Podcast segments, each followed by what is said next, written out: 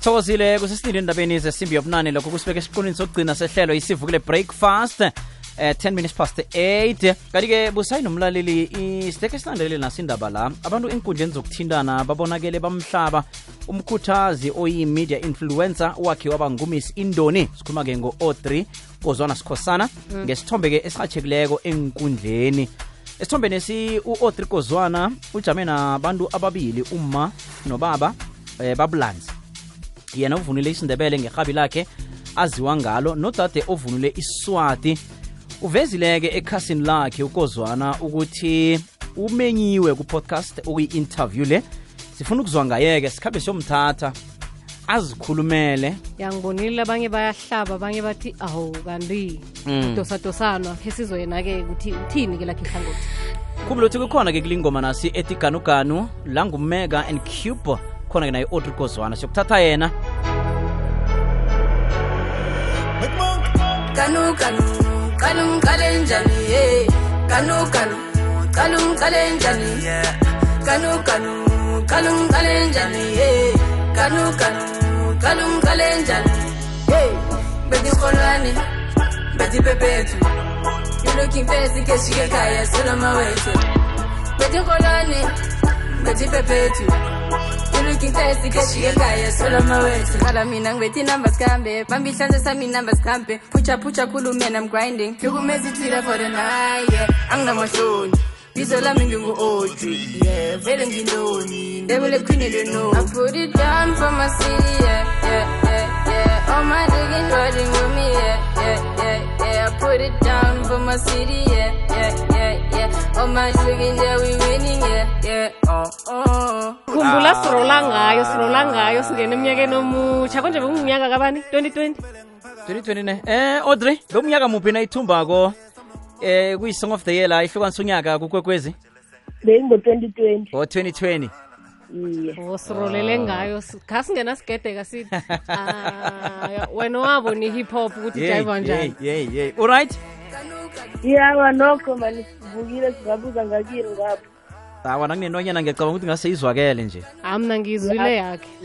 Okay. Bamrathurathulile abanye enkundleni zokuthintana abanye bathi hawa sisikhethu lesi umuntu ajude nomuntu obulanzi. Akhe sizwe ngawe-ke odri ukuthi mhlambe uyesinjani lapha ku-podcast leya angilotshise kuyo woke umuntu ozwalela iphimbo ngalo mzuzu.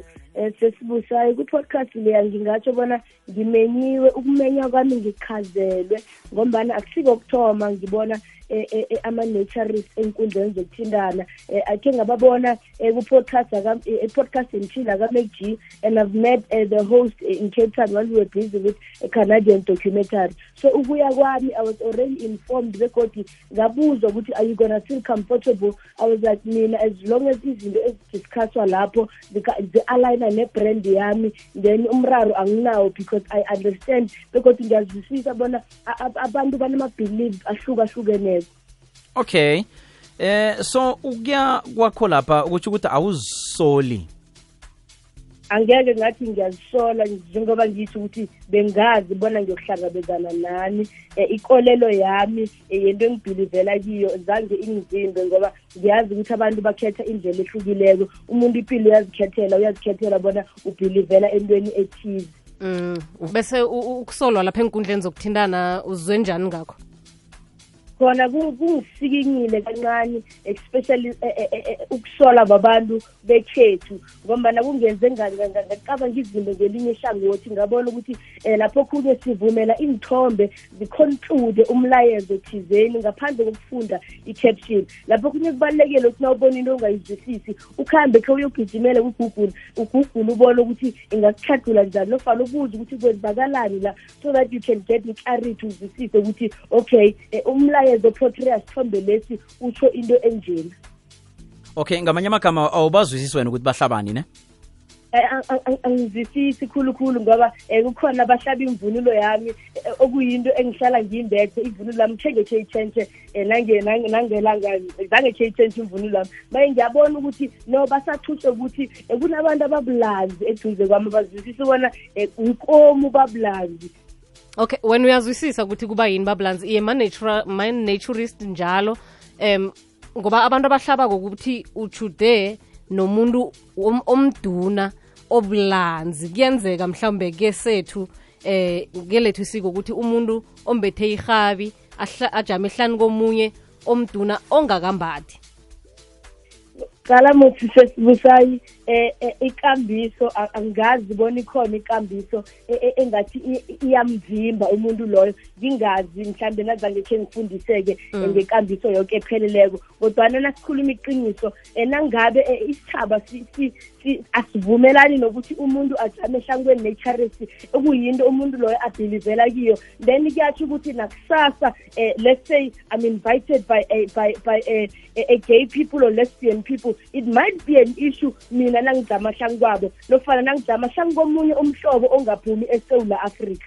O ubulanzi bona abusiyikinga ubulanzi akusiyikinga ngoba akusibo bodwa abantu laba aba- abanebelief yokuthi um bona they are practicing i-naturism. It's all over the world it's just that eh, it- it's a taboo ukubona abantu bayipractice la esewula africa ngoba sesijwayele sesijwayele imihlobo esiyijwayeleko ehlala isemathelevishini ehlala e- e- e- e- ehlala siyibona konke nje. Nasibona into ethe obviously izosishoka but us educating ourselves ngokuthi into leyo i- i- iyenzeka nakunjani yenzeka kuphi kubalulekile.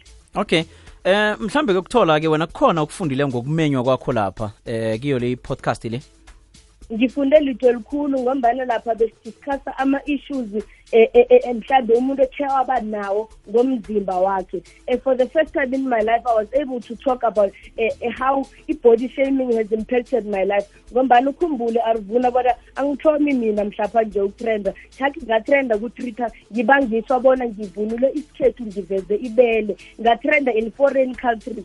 So into leyo yangisikinya kodwana zange ngisikinye njengale. So ngithole i-opportunity yokutsho bona um abantu eh, ukugxeka ibele lami um ngesikhathi um saka-2018 um kungithikameze njani empilweni bekodwa kwangifundisa njani bona na umuntu um you must accept and, and, build i-self confidence yakho um ngezinto eh, eh, abantu ebazigxekako kuwo siyabona-ke ukuthi unyuliwe nalapha kuma-satma umnyaka lo nge-media influencer. Uzizwa njani kulelo hlangothi ngatsho bona nge- ngijabule khulu angifuni nokungatsho kuyabonakala bona umberego wami um kunala kunala eh, eh, udlala khona indima begodwa umberego wami uqaliwe.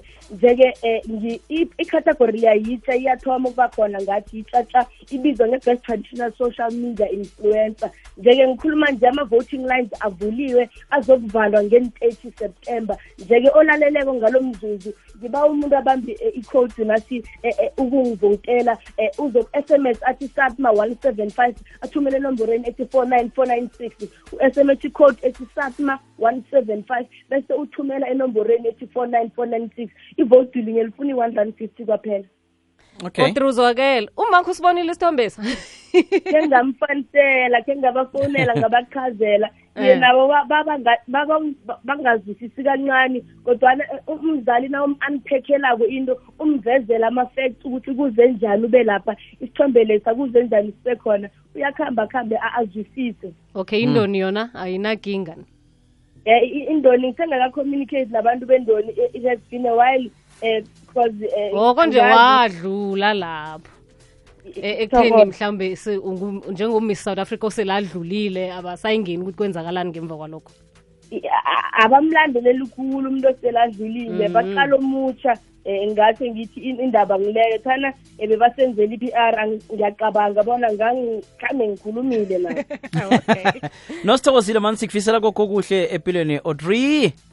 Ngithokoze khulu ithuba. Aha.